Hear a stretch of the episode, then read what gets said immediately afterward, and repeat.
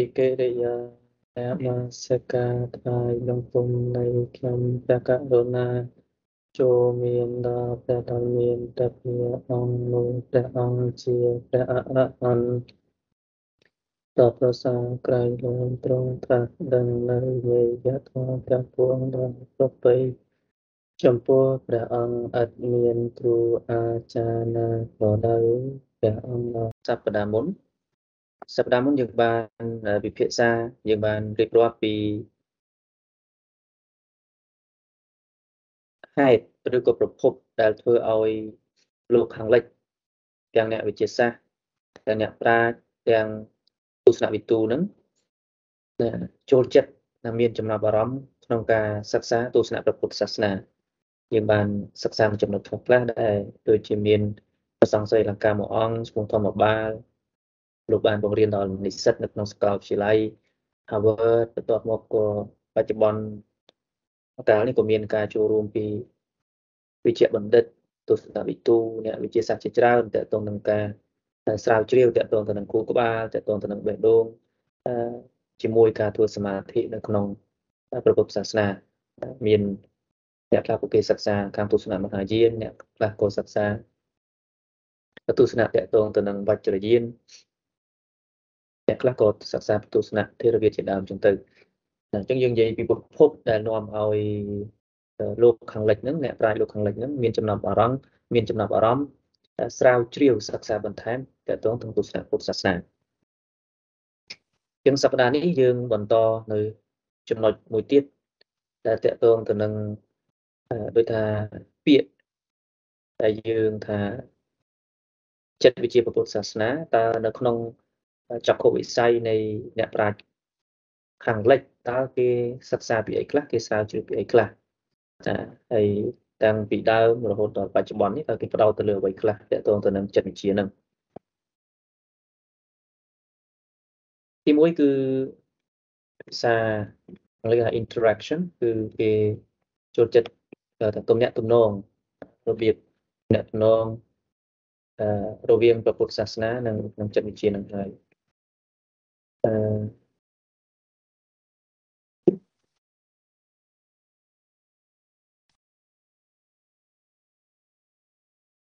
ហើយសប្តាហ៍មុនក៏អាត្មាពន្យល់ដែរអញ្ចឹងយើងនិយាយពីទំនាក់ទំនងរវាង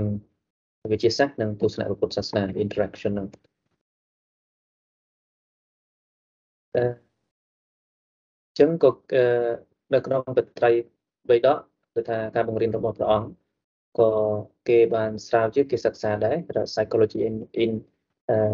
ត្រីពិតកៈហ្នឹងភាសាអង់គ្លេសយើងប្រែមកភាសាខ្មែរយើងថាព្រះត្រៃបិដកហ្នឹងហើយត្រីពិតកៈហ្នឹងត្រីពិតកៈចឹងនៅក្នុងព្រះត្រៃបិដកចំណុចដែលគេសិក្សាច្រើនប៉ុន្តែអាត្មាលើកតែចំណុចខ្លះខ្លះទេតែតែគេសិក្សា គេស្រាវជ្រាវភាគច្រើនគឺ perception តកតងទៅនឹងសញ្ញាហើយនឹងអឺខ្លួនរបស់យើង perception and the self ក្នុងនោះគេចង់និយាយថាតើពាក្យថាសញ្ញា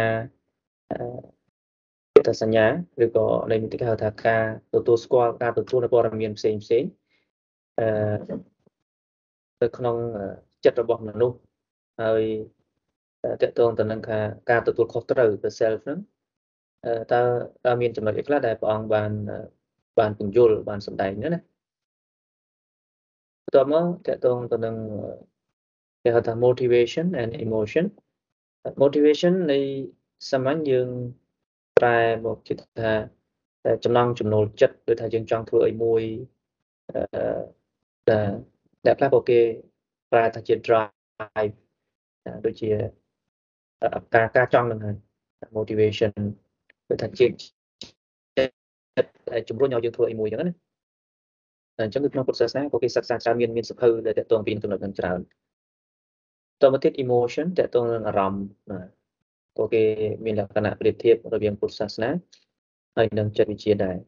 គេចឹងគឺគេរៀនណាបន្តមកទៀត unconscious តកតងទៅនឹង unconscious យើងអាចប្រែថាជាអឺយើងប្រែមកចង់ថាយើងប្រែ ពីភាសាអង់គ្លេសមកខ្មែរមានថាគឺអវិញ្ញានិកៈប៉ុន្តែនៅក្នុងន័យហ្នឹងគេគេគេផ្ដោតទៅលើគឺថាយើងធ្វើអីដែលមិនមានការយល់មិនមានសតិពាក្យសម្ញថាមិនមានស្មារតីកម្រិតចិត្តដែលដែលមិនមានស្មារតីគេផ្ដោតទៅលើហ្នឹងអឺបន្តមកទៀតគឺគេស្រាវជ្រាវនៅក្នុងកត្រាបិដងតទៅពី self development គឺការអភិវឌ្ឍខ្លួនឯងញាតិញោមយល់ហើយកន្លែងហ្នឹងគឺការអភិវឌ្ឍខ្លួនឯង តើយើងក្លាយទៅជាមនុស្សល្អទៅតាមរបៀបណាៅក្នុងទស្សនៈពុទ្ធសាសនានឹងតែយើងអាចហៅថា how to transform yourself uh, to be better or the best version of yourself ហើយជាដើមអីចឹងទៅគេថាការអភិវឌ្ឍបុគ្គលិកលក្ខណៈការអភិវឌ្ឍបុគ្គល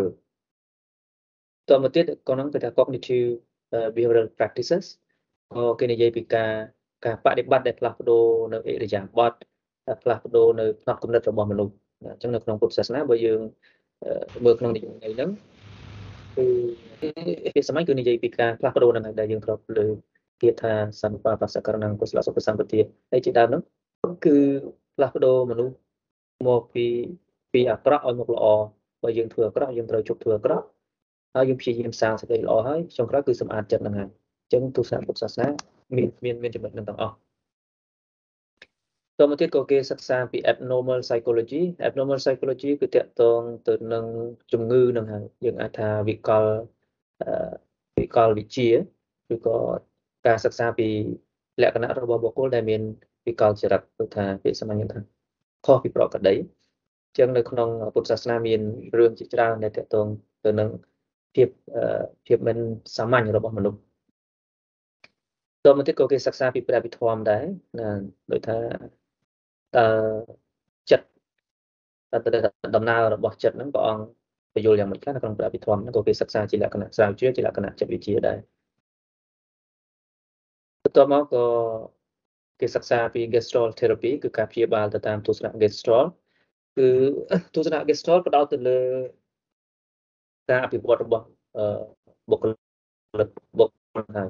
អាត្មាដាក់លេខ6នេះគឺយើងអ្នកជាអង់គ្លេសយើងអាចអានថែម ថាតើ gestalt ហ្នឹងគេចង់និយាយពីអីអញ្ចឹងនៅក្នុង gestalt therapy ឬក៏ការព្យាបាលផ្លូវចិត្តទៅតាមទស្សនៈ gestalt គឺគេផ្ដោតទៅលើការអភិវឌ្ឍនិងសតិស្មារតីរបស់បុគ្គលបុគ្គលឬក៏សិទ្ធិសេរីភាពក្នុងការគិតក្នុងការត្រេះពីត្រេះរិះពិចារណាជាដើមអញ្ចឹងទៅនឹងគេនិយាយច្រើនតើតើអញ្ចឹងសូមរំលឹកក្នុងវងកញ្ចក់វិញថា វេទិកាឬក៏ប្រធានបទមួយមួយដែលអាត្មាបានលើកឡើងនៅក្នុងនេះគឺគឺក្នុងពុទ្ធសាសនាគឺមាននៅក្នុងពុទ្ធសាសនា មានការពន្យល់ច្រើនតកតងទៅនឹងចំណុចហ្នឹងអញ្ចឹងទៅណាបន្តមកទៀត existential and humanistic psychology នៅក្នុងចិត្តវិទ្យាមានមានមុខវិជ្ជាមួយតកតងគេហៅថា existential and humanistic psychology អឺមុខវិជ្ជាហ្នឹងបើយើងមើលទៅមើលទៅមេតិកាឬក៏ ប្រធានបទដែលគេបរៀននៅក្នុងមុខវិជ្ជាហ្នឹងគឺគឺយើងគឺថាមានច្រើននៅក្នុងពុទ្ធសាសនា existential និង humanistic ហ្នឹងជា humanistic ចង់និយាយថាជាមនុស្សនិយមដោយថាយើងធ្វើអីមួយហ្នឹងបុគ្គលមានសិទ្ធិសេរីភាពក្នុងការគិតក្នុងការសម្រេចចិត្តក្នុងការផ្លាស់ប្ដូរខ្លួនឯងរៀនរស់នៅក្នុងបច្ចុប្បន្នអាចធ្វើដោយថាយើងគិតអីយើងអាចសម្រេចបានតែគេផ្ដោតទៅលើសមត្ថភាពរបស់មនុស្សហ្នឹងអញ្ចឹងបើយើងមើលក្នុងន័យហ្នឹងពុទ្ធសាសនាគឺផ្ដោតទៅលើ សមត្ថភាពការទទួលខុសត្រូវរបស់មនុស្សក្នុងការធ្វើការអីមួយក្នុងការធ្វើការអីមួយដែលយើងប្រើពាក្យថាកម្មហ្នឹងមានន័យថាមនុស្សត្រូវតែទទួលខុសត្រូវនៅអ្វីដែលខ្លួននិយាយអ្វីដែលខ្លួនធ្វើអ្វីដែលខ្លួនគិតមានតែយើងនិយាយអីយើងធ្វើអីយើងគិតអីយើងបាននឹងមកវិញគេចង់ចូលរួមពីពីកន្លែងហ្នឹងអូខេ positive psychology ហើយក្នុងលេខ17នេះខ្ញុំក៏បន្ថែមដែរញាតិញោមណាជាអង់គ្លេសអាចអាចអានបន្ថែមបានហើយក៏យើងសិក្សានៅក្នុង នេះខ្ញុំក៏ដាក់ link នឹងដែរខ្ញុំដកស្រង់ពីគេដែរទេតមកទៀត positive psychology អឺគេហៅថាចិត្តវិទ្យាវិជ្ជមាននិយមអឺភាគច្រើនសប្តាហ៍គឺគេគឺមុខវិជ្ជានឹងល្បីគេនិយាយពីចំណុចវិជ្ជមានគិតវិជ្ជមានយ៉ាងម៉េចធ្វើឲ្យរីកចម្រើនក្នុងការរកស៊ីគិតវិជ្ជមានយ៉ាងម៉េចក្នុងឲ្យក្នុងការអភិវឌ្ឍខ្លួនឯងគឺមុខវិជ្ជានឹងគេនិយាយច្រើនអញ្ចឹងអឺចំណុចដែលលើកឡើងទាំងអស់ហ្នឹងគឺ នៅក្នុងពុទ្ធសាសនាមានទាំងអស់អញ្ចឹងហើយបានបានគេគេឃើញនៅចំណុចហ្នឹងគេឃើញនៅលក្ខណៈហ្នឹងនៅក្នុងពុទ្ធសាសនាហ្នឹងហើយបានគេបានគេសិក្សាបានគេស្រាវជ្រាវអញ្ចឹងចំណុចទី1ដែលដែលយើងរៀនថ្ងៃនេះយើងសិក្សាយើងយល់ដឹងថាតើចិត្តវិជានៅក្នុងពុទ្ធសាសនាចិត្តវិជាពុទ្ធសាសនាពាក្យដែលគេបង្កើតនៅក្នុងវចនានុក្រមចិត្តវិជាហ្នឹងគេសិក្សាពីអីគេស្រាវជ្រាវពីអីណា ដោយយោងពីបត្រៃបិដកហ្នឹងតើគេសិក្សាពីអីហ្នឹងគឺចំណុចដែលគេសិក្សាភាគច្រើនគឺចំណុចដែលអាត្មារៀបរាប់មិញហ្នឹងញាតិញោមណាគឺចុងក្រោយហ្នឹងគឺការគិតវិជ្ជមានណាអញ្ចឹងខាងលើយើងនិយាយពីទស្សនៈច្រើនពីសិក្សាពីទស្សនៈពុទ្ធសាសនាច្រើនបន្តមកទៀតថាដែលចំណុចដែលធ្វើឲ្យតាក់ទាញណាចំណុចដែលដែលធ្វើឲ្យតាក់ទាញអ្នកប្រាជ្ញលោកខាងលិចហ្នឹងគឺតាក់ទងទៅនឹងគេហៅថា Buddhist techniques in clinical settings គឺបច្ចេកទេសពុទ្ធសាសនាក្នុងការក្នុងក្នុងប្រព័ន្ធពេទ្យឬក៏ក្នុងប្រព័ន្ធព្យាបាលជំងឺផ្លូវចិត្តហ្នឹងអឺប្រព័ន្ធព្យាបាលជំងឺផ្លូវចិត្តហ្នឹងថាតើតើគេយកទស្សនៈពុទ្ធសាសនាទៅឆ្នៃបច្ចេកទេសអីខ្លះក្នុងការព្យាបាលជំងឺផ្លូវចិត្តនៅនៅលោកខាងលិចអញ្ចឹងនៅចំណុចនេះទាំងអស់ដោយអាត្មាខ្ញុំកណាអាត្មាភាពបានប្រកេនបានយល់ជារឿយៗអញ្ចឹងថាយើង គ្រាន់តែជាសិក្សាលក្ខណៈយល់យល់សិនដល់ពេលចប់ពី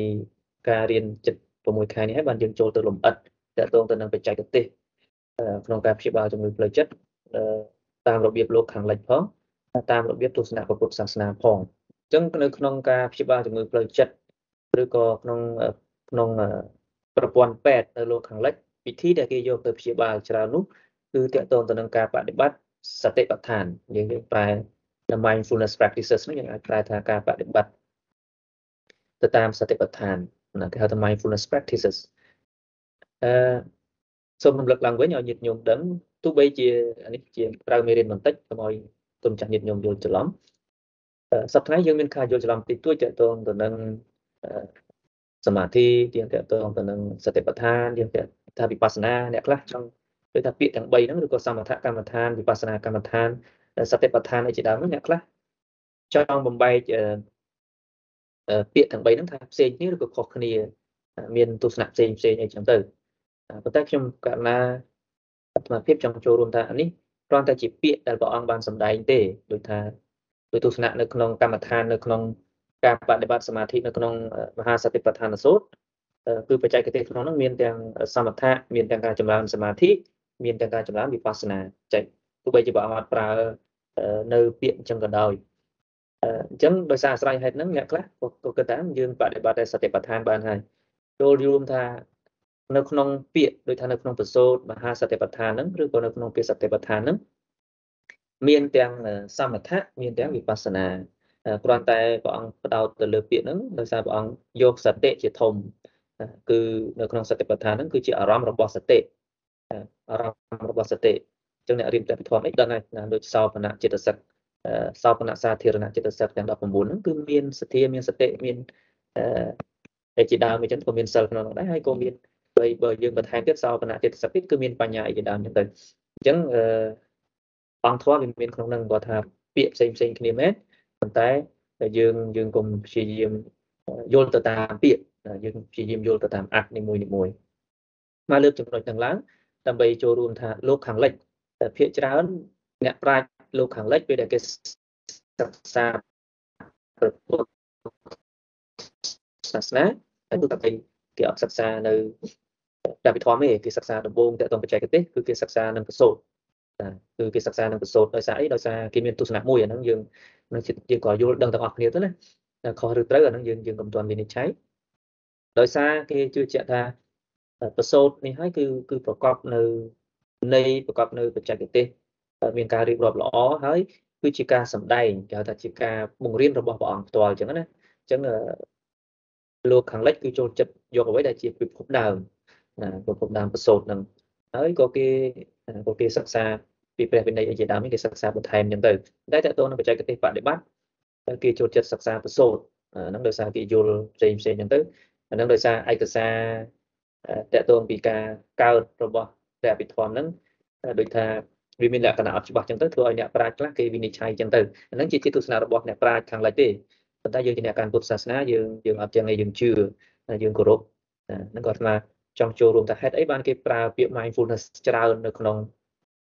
អឺប្រព័ន្ធព្យាបាលជំងឺផ្លូវចិត្តនៅក្នុងលោកខាងលិចដោយសារដោយសារគេដកបច្ចេកទេសហ្នឹងចេញពីមហាសតិប្បដ្ឋានសូត្រស្ដាប់តន់ណា ដោយសារគេដកបច្ចេកទេសហ្នឹងពីមហាសតិប្បដ្ឋានសូត្រនឹងហើយបានគេប្រើពាក្យ mindfulness ហ្នឹងគ្រប់បច្ចេកទេសទាំងអស់ដែលដែលជាបច្ចេកទេសព្យាបាលនៅជំងឺផ្លូវចិត្តអញ្ចឹងញាតិញោមជុំចាស់យល់ចំណុចហ្នឹងណាគឺបច្ចេកទេសទី1គឺ mindfulness based stress reduction ណាគឺបច្ចេកទេសនេះគឺល្បីមែនតើហើយគឺ អ្នកដែលរៀនបច្ចេកទេសនឹងហើយគឺយកទៅប្រើតាមមន្ទីរពេទ្យឬក៏គាត់បង្កើតកន្លែងព្យាបាលខ្លួនគាត់ហ្នឹងគឺគាត់និយាយថាបានលុយច្រើនបានលុយច្រើនហើយក៏ជាបច្ចេកទេសល្បីដែរ mindfulness based stress reduction មានន័យថាអឺបច្ចេកទេសក្នុងការកាត់បន្ថយ stress ណាដែលដែលអាស្រ័យឬក៏ប្រើនៅសតិនឹងហើយប្រើនៅសតិប៉ុន្តែបច្ចេកទេសរបៀបប្រើអានឹងចាំអាត្មាបង្រៀនថែមអានឹងនៅនៅក្នុងវគ្គក្រោយដូចថាគេប្រើយ៉ាងម៉េចគេគេប្រើបច្ចេកទេសអីខ្លះក្នុងការកាត់បន្ថយ stress ទាក់ទងទៅនឹងបច្ចេកទេសហ្នឹងបន្ទាប់មកតកតងទៅនឹង mindfulness based pain management អឺបច្ចេកទេសហ្នឹងគឺគេបដោតទៅលើដូចថាទុកវេទនាដែលអ្នកជំងឺខ្លះគាត់ គាត់មានរាប់ឆ្នាំគាត់មាន10 20ឆ្នាំអីចឹងទៅ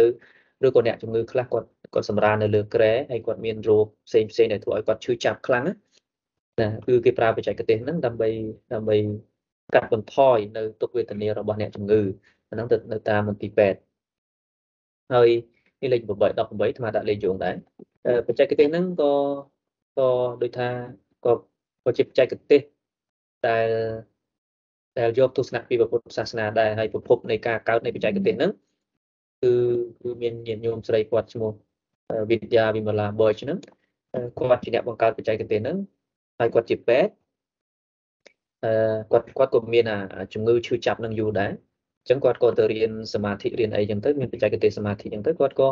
បានជួយដូចថាការធ្វើសមាធិនឹងបានជួយគាត់ច្រើនចឹងទៅគាត់ក៏ យកមកពិសោធន៍ទៅតាមពេទ្យទៅតាមអីចឹងទៅទៅតាមកម្មវិធីគេហៅថា bread works ហ្នឹងគាត់ក៏ពិសោធន៍យកទៅពិសោធន៍ទៅឲ្យជំងឺធ្វើទៅគាត់បានរកឃើញថាមានប្រសិទ្ធភាព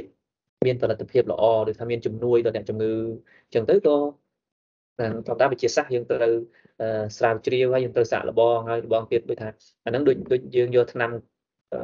កូវីដចូលទៅពិសោធន៍អញ្ចឹងយើងយកដំបូងក៏គេពិសោធន៍ទេ ពិសោធន៍យូរយូរទៅដល់ពេលព្យាបាលបានបានគេយកទៅប្រើអញ្ចឹងដំបូងគាត់យកទៅពិសោធន៍គាត់គាត់បដិបត្តិខ្លួនគាត់ហើយគាត់ដូចជាធូរស្រាលហើយគាត់យកទៅពិសោធន៍ជាមួយអ្នកជំងឺជាច្រើនច្រើនអញ្ចឹងទៅក៏ឃើញមានប្រសិទ្ធភាពមានប្រយោជន៍អញ្ចឹងទៅក៏អានឹងទៅតាមការពិសោធន៍ទៅតាមការស្រាវជ្រាវរបស់គាត់ក៏គេទទួលស្គាល់ហ្នឹងចង់ចូលរួមថាចែកទេសដែលតែប្រើហ្នឹង mindfulness based pain management ហ្នឹងគឺ គឺយកទស្សនៈពុទ្ធសាសនាទៅប្រើទេអញ្ចឹងណាប៉ុន្តែមានប្រយោជន៍ក្នុងការព្យាបាលជំងឺបន្តមកទៀតមានតែកទេព្យាបាលជំងឺមួយទៀត dialectical behavioral therapy ហ្នឹងក៏ជាបច្ចេកទេសដែលដែលអាស្រ័យពីទស្សនៈពុទ្ធសាសនាច្រើនដែរអឺអញ្ចឹងនៅក្នុងនៅក្នុងបច្ចេកទេសហ្នឹងអាត្មាក៏ឲ្យចូលរួមចំណុចហ្នឹងតិច នៅក្នុងបច្ចេកទេសហ្នឹងគឺគេគឺគេព្យាបាលព្យាបាលឲ្យមនុស្សហ្នឹងរៀនរស់នៅក្នុងបច្ចុប្បន្នរៀនរស់នៅក្នុងបច្ចុប្បន្នរៀនទទួលស្គាល់នូវសច្ចធម៌ក្នុងបច្ចុប្បន្នហើយគេបង្រៀននៅវិថាការសមត្ថភាពឬក៏វិធីដែលដែលធ្វើឲ្យមានសុខភាពល្អឬក៏វិធីដែលដែលល្អសម្រាប់ដោះស្រាយឬក៏ព្យាបាលកាត់បន្ថយនៅ stress ឬក៏ សម្រួលអារម្មណ៍របៀបសម្រួលអារម្មណ៍អីជាដើមហ្នឹងគឺគឺគេយកបច្ចេកទេសហ្នឹងទៅប្រើហើយបច្ចេកទេសហ្នឹងក៏គេយកទៅប្រើក្នុងការព្យាបាលបុគ្គលបុគ្គលខ្លះមានអិរិយាបថដូចថាឆាប់ខឹងឆាប់អីធ្វើបាបខ្លួនឯងមានរឿងអីតិចតួចផឹកស្រាឬក៏យកក្លាមយកអីមកអាដៃឬក៏ដូចថាដូចថាធ្វើអ្វីដែលប៉ះពាល់ដល់ខ្លួនឯងអញ្ចឹងណាណាហ្នឹងគេយកបច្ចេកទេសនោះទៅប្រើព្យាបាលដែរមានច្រើនទៀតប៉ុន្តែចូលរួមថាប ច្ចេកទេសហ្នឹងគឺគឺទស្សនៈដំបូងហ្នឹងខ្លឹមរបស់បច្ចេកទេសហ្នឹងក៏មានទស្សនៈពុទ្ធសាសនាដែរបន្ទាប់មកទៀត accept acceptance and commitment therapy របៀបព្យាបាលជំងឺផ្លូវចិត្តមួយទៀតអឺដែលគេហៅថា acceptance and commitment therapy ហ្នឹងអក្សរកាត់គេហៅថា ACT អញ្ចឹងនៅក្នុងបច្ចេកទេសហ្នឹងឲ្យញាតិញោមហ្នឹងគឺគេផ្ដោតគេគេបង្រៀនពី mindfulness skills គេបង្រៀន ពី skill ជំនាញដែលតកតងទៅនឹងសតិហ្នឹងគេបង្រៀននៅហ្នឹងបើដូចញាតិញោមខ្លះធ្លាប់ចូលរួមកម្មវិធីដូចជាលោកគ្រូអឺលឹមជំនាញគាត់គាត់បរៀនបច្ចេកទេសនឹងដូចថាហ្នឹងជាជាទស្សនៈលោកខាងលិចដូចថាក្នុងក្រុមហ៊ុនផ្សេងផ្សេងហ្នឹងរបៀបឲ្យមានសតិឲ្យមានឲ្យមានឲ្យជំនាញតកតងនឹងសតិហ្នឹងគឺគឺគេបង្រៀននឹងច្រើនដូចជាតាមក្រុមហ៊ុននៅក្នុងបរទេសក៏គេបរៀនបច្ចេកទេសនឹងច្រើនដែរដើម្បីថាដើម្បីពង្រឹង នៅជីវិតរស់នៅរបស់បុគ្គលនីមួយៗហ្នឹងហើយគឺថាបង្រៀនឲ្យពួកគាត់បណ្ដុះនៅតម្លៃក្នុងជីវិតខ្លួនឯងបណ្ដុះនៅគេហៅថា flexibility ដូចថារបៀបឬក៏ចិត្តដែលជាសម្បត្តិសម្រួលចេះបត់បែនចេះទទួលស្គាល់អីហ្នឹងក៏គេបង្រៀននៅក្នុងនឹងច្រើនអញ្ចឹងនេះជាយើងស្មារតីរាប់មិញនេះគឺ ឲ្យគុណចាស់ញាតិញោមយល់ថាគឺថានៅក្នុងពាក្យចិត្តវិទ្យាពុទ្ធសាសនាឬក៏ពាក្យថាចិត្តវិទ្យាពុទ្ធសាសនាហ្នឹងតើតើលោកខាងលិចគេគេសិក្សាពីអីខ្លះតើធ្វើឲ្យគេមានចំណាប់អារម្មណ៍ចូលចិត្តនៅចំណុចអ្វីខ្លះទាក់ទងទស្សនៈពុទ្ធសាសនាអញ្ចឹងចំណុចហ្នឹងយើងសិក្សាពីពីគេថាខ្លឹមសារឬក៏ខ្លឹមធម៌ដែលដែលធ្វើឲ្យលោកខាងលិចហ្នឹងបង្កើតនៅពាក្យ ចិត្តវិទ្យាពុទ្ធសាសនាហ្នឹងកណាបាញ់គុំលោកគ្រូសូមសួរសំណួរ positive evolution លោកគ្រូអាចសូមបញ្យល់បន្ថែមបន្តិចបានទេលោកគ្រូតើតងនឹង positive psychology ចិត្តវិទ្យាហ្នឹងគេនិយាយពីវិជ្ជមាននិយមដោយការគិតវិជ្ជមានដូចថាខ្ញុំអាចធ្វើបានអឺខ្ញុំគិតនឹងត្រូវខ្ញុំអាច រៀនបានខ្ញុំអាចរៀនចេះខ្ញុំអាចឆ្លើយជាអ្នកមានបានខ្ញុំអាចរកស៊ីរីកចម្រើនបានដូចថាយើងយើងគិតអ្វីជាវិជ្ជមានណាហ្នឹងគឺតកតងទៅនឹងចិត្តវិទ្យាហ្នឹងដូចថាទស្សនៈពុទ្ធសាសនាគេយកមកប្រើច្រើនបច្ចុប្បន្នណាអឺនៅលើក្នុងលោកខាងលិចគឺតកតងទៅនឹងរបៀបព្យាបាលជំងឺផ្លូវចិត្តហ្នឹងហើយអាហ្នឹងក៏វាជាគាត់ថាវាជាលក្ខណៈទៅតាមមន្ទីរពេទ្យទៅតាមសកល ហ្នឹងគេគេរៀនទៅតាមរបៀបហ្នឹងវាមិនមែនជាលក្ខណៈសាធារណៈទេអញ្ចឹងជនជាតិខ្លះនៅលោកខាងលិចក៏គាត់មិនសូវបានដឹងបានអីដែរអាហ្នឹងនៃសាមញ្ញដូចជាយើងនៅប្រទេសខ្មែរយើងអញ្ចឹងដូចថាតាមសកលខ្លះតាមសាលារៀនខ្លះដែលគេបង្រៀនហ្នឹងពេលខ្លះមនុស្សទូទៅគាត់មិនសូវដឹងទេគាត់មិនសូវដឹងទេអញ្ចឹងទស្សនៈពុទ្ធសាសនាដែលគេយកទៅប្រើដើម្បីព្យាបាលជំងឺផ្លូវចិត្តហ្នឹងជាជាជាការរៀននៅក្នុងតាមសកលអឺហើយទៅតាមមន្ទីរពិសោធន៍ផ្សេងផ្សេងទេ តែចំណុចសំខាន់ដែលគេយកទៅប្រើនោះគឺគេយកប្រើទៅព្យាបាលជំងឺផ្លូវចិត្តនៅក្នុងចំណុច3នេះអាហ្នឹងអឺមុននឹងចូលមេរៀនឲ្យញាតិញោមដឹងថាក៏បានបានចូលក្នុងក្រុមដែរនេះជាជាបទបង្ហាញដែលបានរៀបចំដោយសាស្ត្រាចារ្យម្នាក់គាត់នៅប្រទេសហង្គារីឈ្មោះ Monica Albu ហើយក្នុងហ្នឹងក៏មានការចូលរួមរបស់អាត្មាភាពដែរគាត់បញ្យល់ពីអឺ ចិត្តវិទ្យាលោកខាងលិចហើយអាត្មាបញ្យល់ពីទស្សនៈពុទ្ធសាសនាទាក់ទងនឹងសតិប្បដ្ឋានហ្នឹងនៅក្នុងចំណុចនេះអាត្មាចង់ឲ្យគុណម្ចាស់ញាតិញោមយល់ថាទាក់ទងទៅនឹង psychotherapy របៀបព្យាបាលជំងឺផ្លូវចិត្តហ្នឹងថាតើលោកខាងលិចមានអត់មានការវិវត្តយ៉ាងម៉េចភាគច្រើនគឺគឺនៅក្នុងឆ្នាំ1900ជាងអីហ្នឹងគឺគេប្រើគេហៅថា learning principles ដែលជារបៀបក្នុងន័យហ្នឹងគឺមានន័យថាការព្យាបាលរបស់ ឬថាចិត្តរបស់មនុស្សអាចផ្លាស់ប្ដូរបានអាស្រ័យពីការពីពីធម៌ពលខាងក្រៅរបៀបសង្កេតអញ្ចឹងណាឧទាហរណ៍ខ្ញុំឧទាហរណ៍មួយថាបុគ្គលម្នាក់គាត់មានគាត់ខ្លាចពស់អញ្ចឹងអឺបច្ចេកទេសហ្នឹងគឺគេឲ្យយើងនឹងមើលរឿងពស់រឿងអីចឹងទៅតមកទៀតឲ្យយើងយល់ថាពស់ក៏ដូចយើងអីជាដើមទៅប៉ុន្តែតាមលក្ខណៈសង្កេតថាថាពស់ក៏មានមានកូនមានអីចេះស្រឡាញ់កូនជាយ៉ាងទៅ ពស់ក៏ដូចថាគឺដូចថាចង់ការពីជីវិតក៏ខ្លាចស្លាប់ដូចយើងដែរអញ្ចឹងណាគេក៏បង្ហាញវីដេអូដែលគេសម្រាប់ពស់សម្រាប់អីធ្វើបាបអញ្ចឹងទៅក៏គេបញ្យល់ទៅតាមនឹងថាដោយសារពស់ចិត្តពស់អីហ្នឹងដោយសារអញ្ចឹងអីចឹងទៅហើយពស់មិនគួរឲ្យខ្លាចទេគ្នាក៏ខ្លាចយើងអញ្ចឹងទៅអាហ្នឹងក៏គេព្យាបាលទៅតាមហ្នឹងអឺតមកក៏គេមានបច្ចេកទេសផ្សេងទៀតគេយកពស់ជាប់ពស់អីមកទៅឲ្យបុគ្គលនឹងប៉ះណាដូចថាឲ្យគាត់ចឹងបានគេយកពោះមែនតែនប៉ះហ្នឹងគាត់អត់ខ្លាចអត់អីចឹងទៅចឹងយូរទៅគាត់គាត់ ចាប់ផ្ដើមផ្លាស់ប្ដូរអាការខ្លាចរបស់គាត់ហើយអាហ្នឹងវាជាលក្ខណៈយកអា external forces ឬក៏ឬក៏ learning principle របៀបរៀនទៅតាមការសង្កេតហ្នឹងមកព្យាបាលជំងឺផ្លូវចិត្តរបស់មនុស្សដូចអ្នកខ្លះខ្លាចខ្មោចអីជាដើមអ្នកខ្លះក៏ដូចថាអឺដូចថាខ្លាចដូចតែឃើញមនុស្សប្រុសខ្លាចដោយសារគាត់បានជួបរឿងអីមួយអញ្ចឹងទៅបន្ទាប់មកក៏គេបង្រៀនទៅតាមហ្នឹងគេតាមសង្កេតអញ្ចឹងណាអញ្ចឹងដល់ពេល បន្ទាប់មកក៏មានទស្សនៈមួយទៀតអឺដូចថាមានរបៀបព្យាបាលផ្លូវចិត្តមួយទៀតដែលគេដែលគេផ្ដោតទៅលើចង់ចូលរួមមួយទៀតយើងសិក្សានៅមេរៀននេះមានប្រយោជន៍មួយទៀតដូចថាយើងដឹងយើងយល់ខ្លះខ្លះតកតងទៅនឹងវិបត្តិផ្លូវចិត្តណាពីព្រោះហេតុអីអឺដូចថាសង្គមសពថ្ងៃពេលដែល ចាស់ទុំក្តីឬក៏ក្មេងឬយុវជនដែលមានវិបត្តិផ្លូវចិត្តទៅយើងទៅជួបពេទ្យចិត្តសាស្ត្រណាយើងទៅជួបពេទ្យចិត្តសាស្ត្រទៅគាត់ឲ្យថ្នាំឲ្យអីចឹងទៅហើយសង្គមយើងខ្លះក៏មានការយល់បោះចានតកតងទៅនឹងជំងឺផ្លូវចិត្តហ្នឹងដែរដែលធ្វើឲ្យមានការរើសអើងដែលធ្វើឲ្យមានការប្រកាន់ឬក៏ដោយសារមិនបានយល់មិនបានសិក្សាខ្លះខ្លះចឹងទៅក៏ធ្វើឲ្យថារបៀបនៃការព្យាបាលហ្នឹង ក៏យើងអត់ច្បាស់ដូចថាគឺរបៀបគឺថាទៅយើងដូចថាជំងឺរបស់គាត់ហ្នឹងយើងអាចព្យាបាលបានប៉ុន្តែដោយសារយើងបណ្ដោយទៅធ្វើឲ្យមានបញ្ហាធំអាហ្នឹងដោយសារយើងមិនបានយល់ហើយចំណុចខ្លះទៀតអឺដោយថាពេទ្យចិត្តសាស្ត្រខ្លះមិនទាំងអស់ទេតែភាគច្រើននៅក្នុងប្រទេសយើងក៏របៀបព្យាបាលរបស់គាត់ហ្នឹងក៏គាត់ផ្ដោតទៅលើតែថ្នាំដែរដូចថាអ្នកខ្លះគេមិនលក់អ្នកខ្លះមានជំងឺបាក់ទឹកចិត្តអីជាដើមហ្នឹងក៏គាត់ប្រើតែថ្នាំទេគាត់ប្រើតែថ្នាំទេ គាត់អត់បានបង្រៀនពីបច្ចេកទេសដូចគេនេះដូចដូចថាដូចអ្វីដែលអាបានរៀបរាប់ហ្នឹងអញ្ចឹងពេលដែលយើងរៀនមេរៀននេះក៏ជាប្រយោជន៍ខ្លះខ្លះដែរ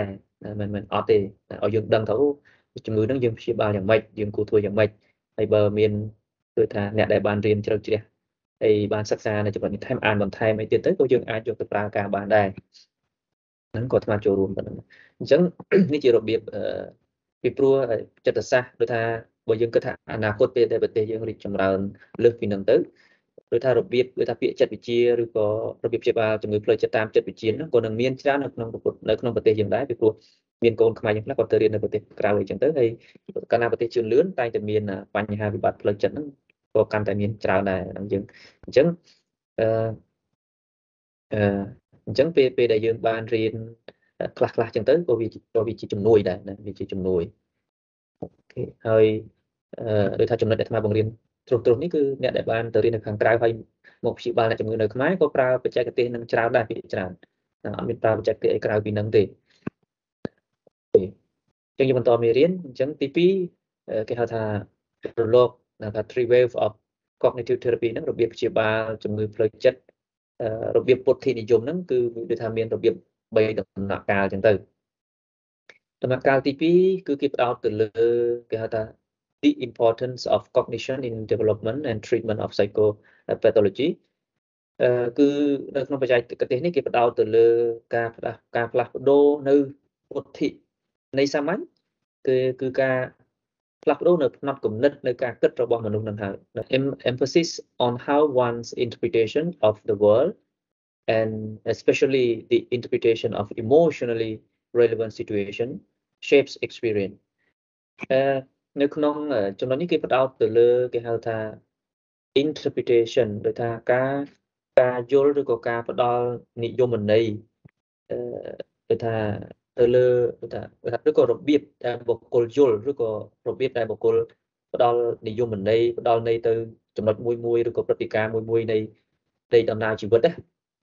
ណាទៅដល់របៀបយល់ពីលោកខាងក្រៅក៏យើងអាចថាបានដូចថាឥឡូវឧទាហរណ៍ថា ដូចការយល់ដឹងឧទាហរណ៍ណាដូចយល់ដឹងពីស្ត្រីតើស្ត្រីហ្នឹងយ៉ាងម៉េចហ្នឹងគេហៅថារបៀបដែលយើង interpret របៀបដែលយើងយល់របៀបដែលយើងផ្ដល់និយមន័យដល់ស្ត្រីឬក៏ឧទាហរណ៍ថាស្ត្រីបងប្អូនឬក៏បងបងញាតិញោមដែលធ្វើការនៅក្នុងរោងចក្រហ្នឹងតើតើការយល់ឬរបៀប interpret របស់បរិសខ្លះវាយ៉ាងម៉េចអញ្ចឹងគេហៅថាអិរិយាបថរបស់បុគ្គលឬក៏បទពិសោធន៍របស់បុគ្គលហ្នឹងវាវាអាច ផ្លាស់ប្ដូរឬក៏វាវាដូចថាវាអាចឆ្នៃធ្វើឲ្យការគិតរបស់បុគ្គលហ្នឹងទៅតាមនឹងដែរឬក៏ឬក៏ការគិតរបស់បុគ្គលនឹងតកតងទៅនឹងញាតិញោមស្រីស្រីធ្វើការនៅក្នុងរោងចក្រហ្នឹងក៏វាដូចថាវាឆ្នៃអឺដូចថាកែឆ្នៃបទពិសោធន៍របស់គាត់ហ្នឹងឲ្យឲ្យទៅតាមការគិតរបស់គាត់ដែរអាហ្នឹងអាហ្នឹងដែលគេបដោត ដែលគេដែលគេបដោតនៅនៅក្នុងទស្សនៈហ្នឹងរបៀបការយល់របស់មនុស្សនៃសម័យថារបៀបការយល់របស់មនុស្សតកតងទៅនឹងពិភពលោកខាងក្រៅហ្នឹងហើយតែតោះនេះរបៀបការយល់របស់មនុស្សតកតងទៅនឹងពិភពលោកខាងក្រៅអឺហើយមួយទៀតគឺគេនិយាយពីដូចថារបៀបការយល់ដូចថា emotionally relevant situation ដូចថាព្រឹត្តិការណ៍ខ្លះព្រឹត្តិការណ៍ខ្លះដែលព្រឹត្តិការណ៍ខ្លះឬក៏ ចំណុចខ្លះនៃនៃដំណើរនៃជីវិតហ្នឹងធ្វើឲ្យយើងមានគេហៅថាអារម្មណ៍ហ្នឹងផ្សេងផ្សេងណាដូចថាព្រឹត្តិការណ៍ខ្លះធ្វើឲ្យយើងបាក់ទឹកចិត្តព្រឹត្តិការណ៍ខ្លះធ្វើឲ្យយើងកើតទុក្ខព្រឹត្តិការណ៍ខ្លះធ្វើឲ្យយើងខឹងអញ្ចឹងអឺដូចថាអារម្មណ៍ដែលវាកើតឡើងទៅតាមដូចថាស្ថានភាពមួយមួយនៃដំណើរជីវិតហ្នឹងតើបុគ្គលនឹងយល់យ៉ាងម៉េចណាដូចថាប្រតិភិសមថារបៀបនៃគាត់ដូចថាការយល់ដឹងរបស់គាត់តាក់ទងទៅនឹងស្ថានភាពមួយមួយហ្នឹង តើគាត់យល់យ៉ាងម៉េចដូចថាដែលធ្វើឲ្យគាត់មានអារម្មណ៍ខឹងដែលធ្វើឲ្យគាត់មានអារម្មណ៍បាក់ទឹកចិត្តហ្នឹងអឺ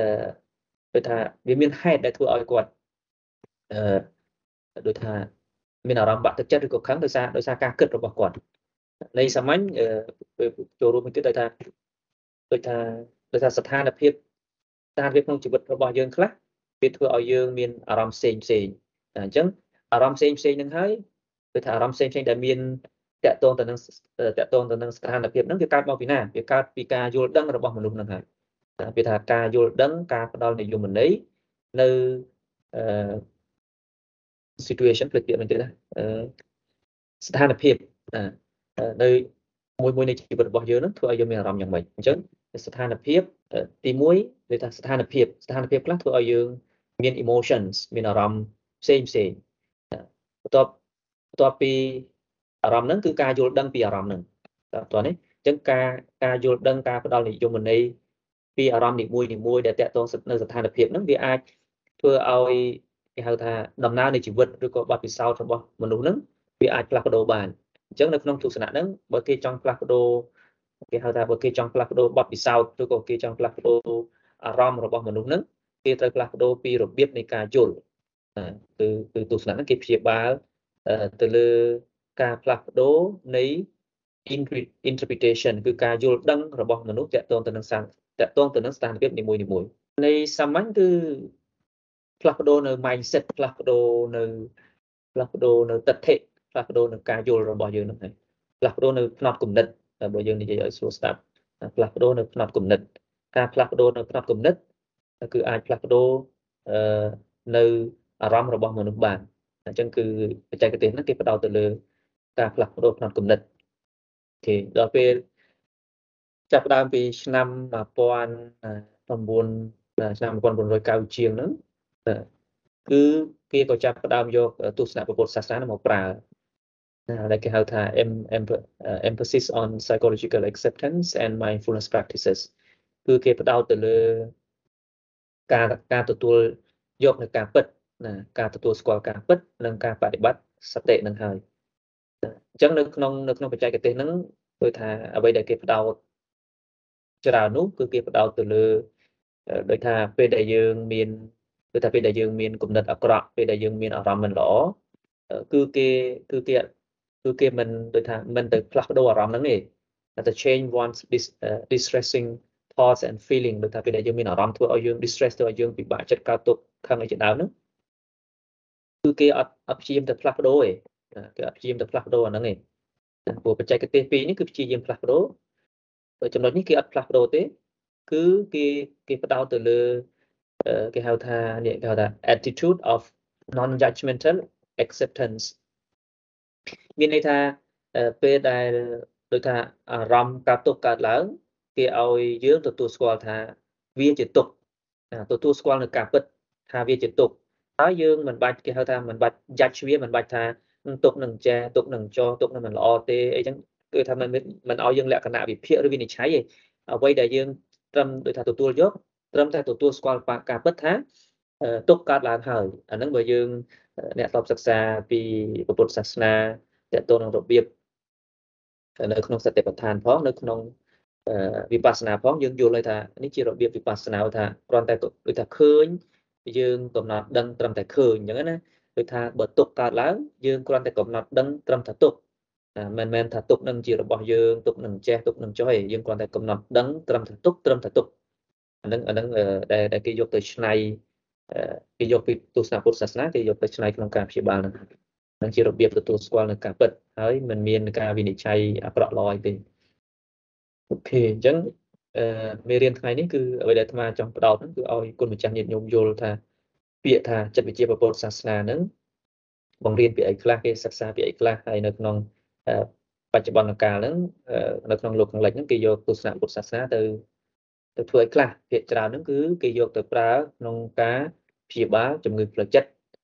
វិបត្តិផ្លូវចិត្តទៅតាមមន្ទីរពេទ្យទៅតាមសាកលវិទ្យាល័យតាមសាលាជាដើមហ្នឹងទៅព្រោះនេះនេះគ្រាន់តែជាគេយកគេហៅថារលកថ្មីថ្មីដែលគេយកពីទស្សនៈពុទ្ធសាសនាហ្នឹងនេះតកតនឹងសតិ បឋានទាំងអស់អានឹងសិក្សាលម្អិតយើងសិក្សានៅកម្មវិធីសិក្សាក្រោយបន្ទាប់មកទៀតក៏គេបានបង្កើតទស្សនៈផ្សេងផ្សេងដែលតកតងទៅនឹងមេត្តាគេថា compassion based techniques គឺបច្ចេកទេសព្យាបាលជំងឺផ្លូវចិត្តដែលបដោតដែលបដោតដែលមានមេត្តាឬក៏ករុណាជាបាតហ្នឹងហើយហ្នឹងគឺបច្ចេកទេសដែលគេយកទៅប្រើជំងឺផ្លូវចិត្តចឹងពួកគាត់សិតតែយកអឺ បច្ចេកទេសដែលអាត្មារៀបរាប់មិញហ្នឹងយកទៅព្យាបាលជំងឺបាក់ទឹកចិត្ត depression សិតតែអ្នកល្បីល្បីគាត់ញាតិញោមបានចាំហើយគាត់អ្នកបង្កើតទស្សនៈដើម្បីព្យាបាល stress នៅនៅក្នុងលោកខាងលិចអញ្ចឹងតកតងទៅនឹងអឺ introduction to Buddhist psychology តកតងទៅនឹងទស្សនៈដូចថាការធ្វើបទបង្ហាញការបង្រៀនការណែនាំតកតងទៅនឹងចិត្តវិទ្យាពុទ្ធសាសនានេះអឺគឺដូចថាចប់ច្រើនហើយ អឺអញ្ចឹងថ្ងៃនេះយើងអាចបញ្ចប់មេរៀនរបស់យើងបានណាហើយនេះគ្រាន់តែអាត្មារៀបរាប់ត្រុសត្រុសតកតងនឹងសភៅអត្ថបទណាដែលគេបានសរសេរតែតកតងទៅនឹងទស្សនៈពុទ្ធសាសនាតែតកតងទៅនឹងចិត្តវិទ្យាពុទ្ធសាសនាអ្នកប្រាជ្ញសរសេរនេះខ្មែររៀបរាប់របស់ត្រុសត្រុសទេដោយតកតងទៅនឹងសតិប្បដ្ឋានពុទ្ធសាសនាចិត្តវិទ្យានៅក្នុងសម័យគេថា modern psychology តកតងទៅនឹងសម័យជឿនលឿនហ្នឹង អឺញោមមានសំណួរទេញោមមាននិយាយសួរចំដល់អីទៅកន្លែងចំណុចទី1ក្នុងការព្យាបាលលោកគ្រូថាឲ្យមើលសត្វដែលយើងខ្លាចអាហ្នឹងបើសិនជាយើងខ្លាចសត្វហ្នឹងហើយមើលសាច់នឹងទៀតមិនខ្លាចទៀតលោកគ្រូទេអាហ្នឹងគេមានចែកទេសព្យាបាលដូចថាហ្នឹងដូចថាអញ្ចឹងលំអិតលំអិតអាហ្នឹងតើទៅគឺថាមេរៀនទី2ដូចថា advance course ហ្នឹងបានថាបញ្យល់រឿងលំអិត ប៉ុន្តែក៏មិនលំអិតតាក់ទងទៅនឹងបច្ចេកទេសហ្នឹងដែរបច្ចេកទេសហ្នឹងដូចថាអាហ្នឹងគេមាន step របស់គេគេមាន step របស់គេក្នុងការផ្លាស់ប្ដូរការគិតអញ្ចឹងណាអាហ្នឹងដូចថាយើងមើលដំបូងយើងខ្លាចហើយដូចថាគេឲ្យយើងមើលរូបឯកសារតាក់ទងសត្វពស់ដំបូងយើងខ្លាចប៉ុន្តែពេលដែលគេមើលហ្នឹងគេគេក៏ពន្យល់យើងដែរដូចថាគេព្យាយាមផ្លាស់ប្ដូរការគិតរបស់យើងទៅតាមការមើលហ្នឹងណាព្រោះក្នុងវីដេអូមួយហ្នឹងវាមានការបញ្យល់ណា មានការបញ្យល់អញ្ចឹងទៅយើងអាចផ្លាស់ប្ដូរទៅតាមការគិតនឹងបានមានសាផ្នែកគំនិតរបស់មនុស្សអាចផ្លាស់ប្ដូរបានទៅតាមការមើលទៅតាមការមើលតាមរយៈការសង្កេតការមើលហ្នឹងគឺមនុស្សអាចរៀនបានអាចរៀនបានដូចឧទាហរណ៍យើងឧទាហរណ៍ថាដូចថាពួកយើងខ្លាចវាតែងតែមានហេតុហើយយើងខ្លាចដោយសារពោះនឹងចិត្តពោះនឹងចេះពោះនឹងពោះនឹងអីជាដើមចឹងទៅពេលដែលយើងមើលដូចថាភាពស្និទ្ធស្នាលមិត្តភាពរវាងពោះនិងមនុស្សយូរយូរទៅយើងអាចដូចថាយើងមើលទៅយើងអាច យើងអាចយល់ដូចថាយើងដូចយើងមើលរឿងកុនអីមួយចឹងទៅយើងយល់ទៅអូវាមិនអញ្ចឹងផងណាឬក៏យើងអានសភៅអីមួយចឹងទៅយើងផ្លាស់ប្ដូរការគិតរបស់យើងអីជាដើមចឹងទៅបច្ចេកទេសហ្នឹងគឺគឺអាចផ្លាស់ប្ដូរបានអាហ្នឹងជាបច្ចេកទេសតែគេប្រើហ្នឹងគេមានប្រសិទ្ធភាពបានគេប្រើប៉ុន្តែត្រូវការពេលវេលាដោយតាមអ្វីដែលអាត្មាបានរៀនហ្នឹងគឺត្រូវត្រូវការពេលវេលាច្រើនឃើញចុះបើសិនជាអាយើងឃើញហើយនៅតែឈឺចាប់ទៀតអាហ្នឹងឃើញយ៉ាងម៉េចទៀតលោកគ្រូអាហ្នឹងមានន័យថាមិនដល់ចំណុចទី3លោកគ្រូ ព្រោះហ្នឹងតកតងទៅនឹងនឹងទស្សនៈហ្នឹងគឺមានចំណុចច្រើនដូចទៅអាត្មាបញ្យលសង្ខេបអាហ្នឹងហ្នឹងតើយើងបដិបត្តិដែរហ្នឹងតើតើតែយើងដូចថាយើងបច្ចេកទេសវាតកតងទៅនឹងភាវនាដូចថាឥឡូវដូចថាយើងអង្គុយយើងអង្គុយសមាធិទៅអឺយើងស្ពឹកដូចថាយើងស្ពឹកយើងឈឺអញ្ចឹងទៅគឺគេគឺបច្ចេកទេសហ្នឹងគេឲ្យយើងយើងទទួលស្គាល់នៅការពិតថាឈឺ វាមានជាធម្មតាវាត្រូវតែឈឺអញ្ចឹងហើយវាត្រូវតែឈឺដូចថាកុំឲ្យយើងបដិសេធគឺថា accept ហ្នឹងគឺទទួលស្គាល់នៅការពិតគឺការពិតហ្នឹងគឺឈឺហ្នឹងជាការពិតយើងយើងអត់ដូចថាយើងអត់កិច្ចពីវាឬក៏យើងអត់ដូចថាអូយឈឺនឹងបាត់ទៅមិនក៏ឈឺមិនថ្ងៃណាបាត់ឈឺអាហ្នឹងដូចថាគេដូចថាអត់ឲ្យមានអាហ្នឹងឯងដូចថាឲ្យយើងទទួលស្គាល់នៅការពិតហ្នឹងហើយអាហ្នឹងអាហ្នឹងជាទស្សនៈចិត្តដូចថារបៀបចិត្តជាប៉ុន្តែក្នុងទស្សនៈពុទ្ធសាសនាហ្នឹងតើតែយើងបណ្ដោះសតិ និងសមាធិចិត្តស្ងប់របស់យើងពាក្យសាមញ្ញគឺសតិហ្នឹងហើយសតិបរិសុទ្ធឧបេក្ខាបរិសុទ្ធបានយើងអាចទៅកំណត់ដឹងនៅសុភាវៈពិតបានគឺរបៀបវិបស្សនាហ្នឹងហ្នឹងដូចថាបញ្យល់អញ្ចឹងវារៀងពិបាកបើយើងអត់ដែលធ្វើសមាធិរៀងពិបាកបន្តិចដែរប៉ុន្តែបើយើងធ្លាប់សិក្សាបប្រតិបត្តិតិចតួចយើងអាចយើងអាចយល់បានអញ្ចឹងណាយើងហៅថាបុគ្គលខ្លះគាត់ខ្លាចខ្មោចអញ្ចឹងឲ្យគួរតែបញ្យល់គាត់ហើយណែនាំគាត់យ៉ាងម៉េចតែចាំព្រមអរគុណលោកហ្នឹង បើព្យាបាលតាមទស្សនៈចិត្តវិទ្យាវារៀនយូរហ្នឹងបើកណាឆ្លងតាមពុទ្ធសាសនាគឺយើងផ្លាស់ប្ដូរការគិតរបស់គាត់នឹងហើយផ្លាស់ប្ដូរការគិតរបស់គាត់ដែលយើងហៅថាសម្មាសម្មាទិដ្ឋិឬក៏យើងប្រើមួយទៀតថាយោនសោមនសិការៈយើងបង្រៀនឲ្យគាត់នឹងធ្វើទុកក្នុងចិត្តឲ្យត្រូវប្រកបដោយបញ្ញានៃសាមញ្ញគិតឲ្យត្រូវណាដើម្បីឲ្យគាត់គិតត្រូវក្នុងពុទ្ធសាសនាតើតែឲ្យគាត់នឹងស្ដាប់ធម៌ឬក៏អានសិភៅតកតងពីការបញ្យលពី ពីពីខ្មោចតើខ្មោចនឹងយ៉ាងម៉េចតើខ្មោចមានមែនឬអត់ខ្មោចជាអ្វីគឺថាឲ្យគាត់សិក្សាពីចំណុចហ្នឹងទៅដូចថាដំណើរដើមតងតកតងទៅនឹងពាក្យខ្មោចអីហ្នឹងហើយតើទូយ៉ាងម៉េចចឹងទៅយូរយូរទៅគាត់វាដែលគាត់យល់ទៅគាត់ផ្លាស់ប្ដូរដោយខ្លួនឯងហើយហ្នឹងស្មារតីកណាចង់ចូលរួមថាទៅតាមទស្សនៈពុទ្ធសាសនាគឺស្ថិតនៅលើការផ្លាស់ប្ដូរការគិតដែលព្រះអង្គឲ្យយើងមានយន្តសមសិការៈឲ្យច្រើនដើម្បីឲ្យមានយន្ត សមសិការៈទាល់តែយើងស្ដាប់នៅអ្វីដែលវាកើតនៅការគិតត្រូវគឺថាគាត់ខ្លាចហ្នឹងដោយសារគាត់គិតខុសដោយសារគាត់ក្នុងពុទ្ធសាសនាយើងថាអឺ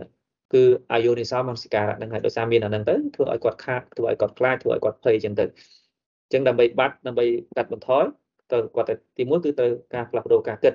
ទី2ក្នុងពុទ្ធទស្សនៈពុទ្ធសាសនាគឺឲ្យយើងចម្រើននៅមេត្តាឲ្យបានច្រើន តែពីព្រោះវាសិតតែពៀវិរិយជាមួយទីមួយចិត្តហ្នឹងវាវាកើតមកពីការខ្លាចការខ្លាចវាកើតមកពីពៀវិរិយយើងធ្លាប់ប្រឡាចគេអីចឹងទៅអញ្ចឹងវា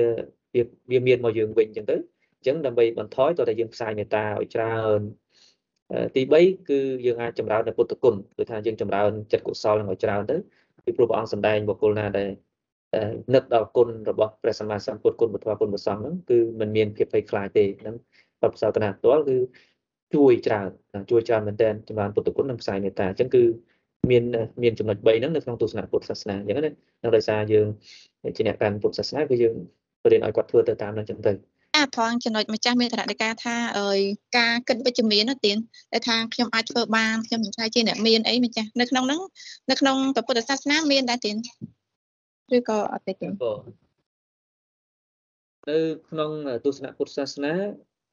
គឺយើងគឺថាតកតងទៅនឹងចំណុចហ្នឹងដូចថាវាមិនមានចំទេប៉ុន្តែគាត់ថា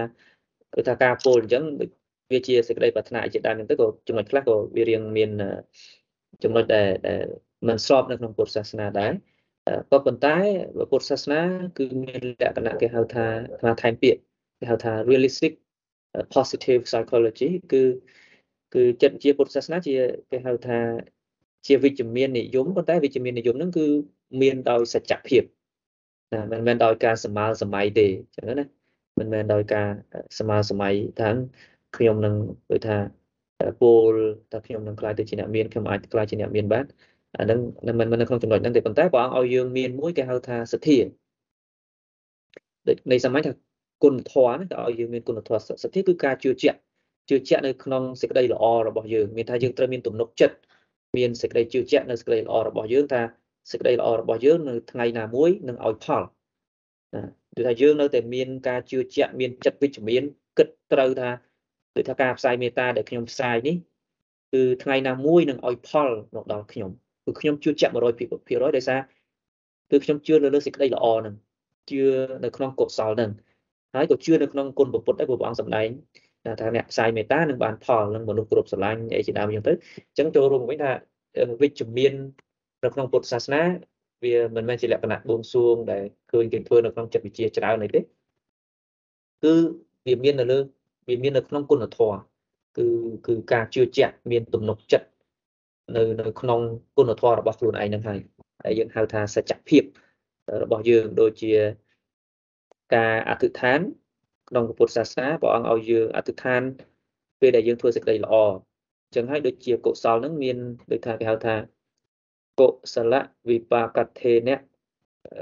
កុសលមានន័យថាសេចក្តីល្អរបស់យើងហ្នឹងគឺយើងអាចអាចប្រាថ្នាអីបានណាដោយអំណាចដោយអំណាចនៃសេចក្តីល្អហ្នឹងយើងអាចប្រាថ្នាអីបានអញ្ចឹងយើងចង់คลายយើងអាចយើងចង់រកស៊ីមានមានមានបាន អាហ្នឹងតើតើយើងជឿជាក់នៅក្នុងសេចក្តីល្អរបស់យើងគឺការធ្វើទៀនហ្នឹងហើយ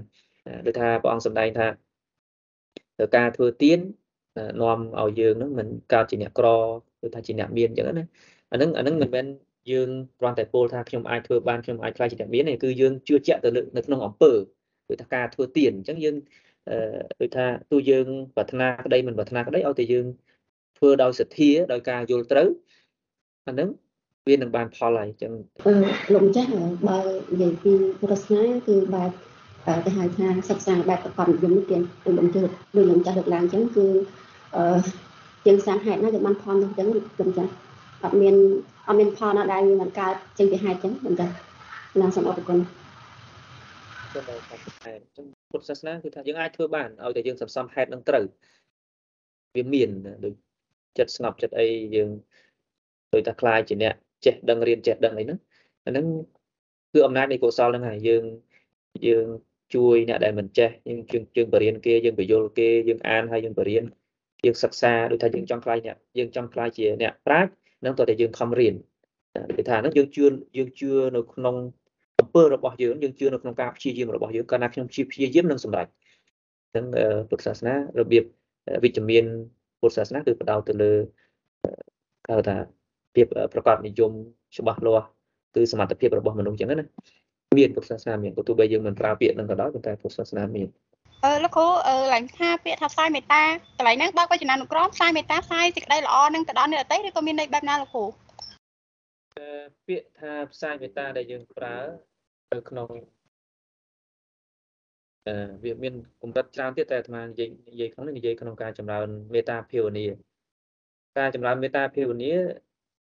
មិនមែនជាលក្ខណៈបួងសួងទេជាលក្ខណៈអឺគេហៅថាផ្សាយនៅកម្លាំងជាកុសលផ្សាយនៅកម្លាំងជាកុសលអឺព្រោះកម្លាំងជាកុសលនោះមានអំណាចមានអំណាចវាអំណាចហ្នឹងស្ថិតនៅលើកម្លាំងខាងយើងដែរបើយើងមេត្តារបស់យើងខ្លាំងពេលដែលយើងផ្សាយទៅក៏មានអតិពលខ្លាំងដែរដូចមេត្តារបស់ព្រះសម្មាសម្ពុទ្ធបរមគ្រូនៃយើងពេលដែលព្រះអង្គផ្សាយចូលឈានហើយព្រះអង្គផ្សាយទៅអឺ ដំរីណាឡាគិរីហ្នឹងដែលដែលរត់ត្រៀមមក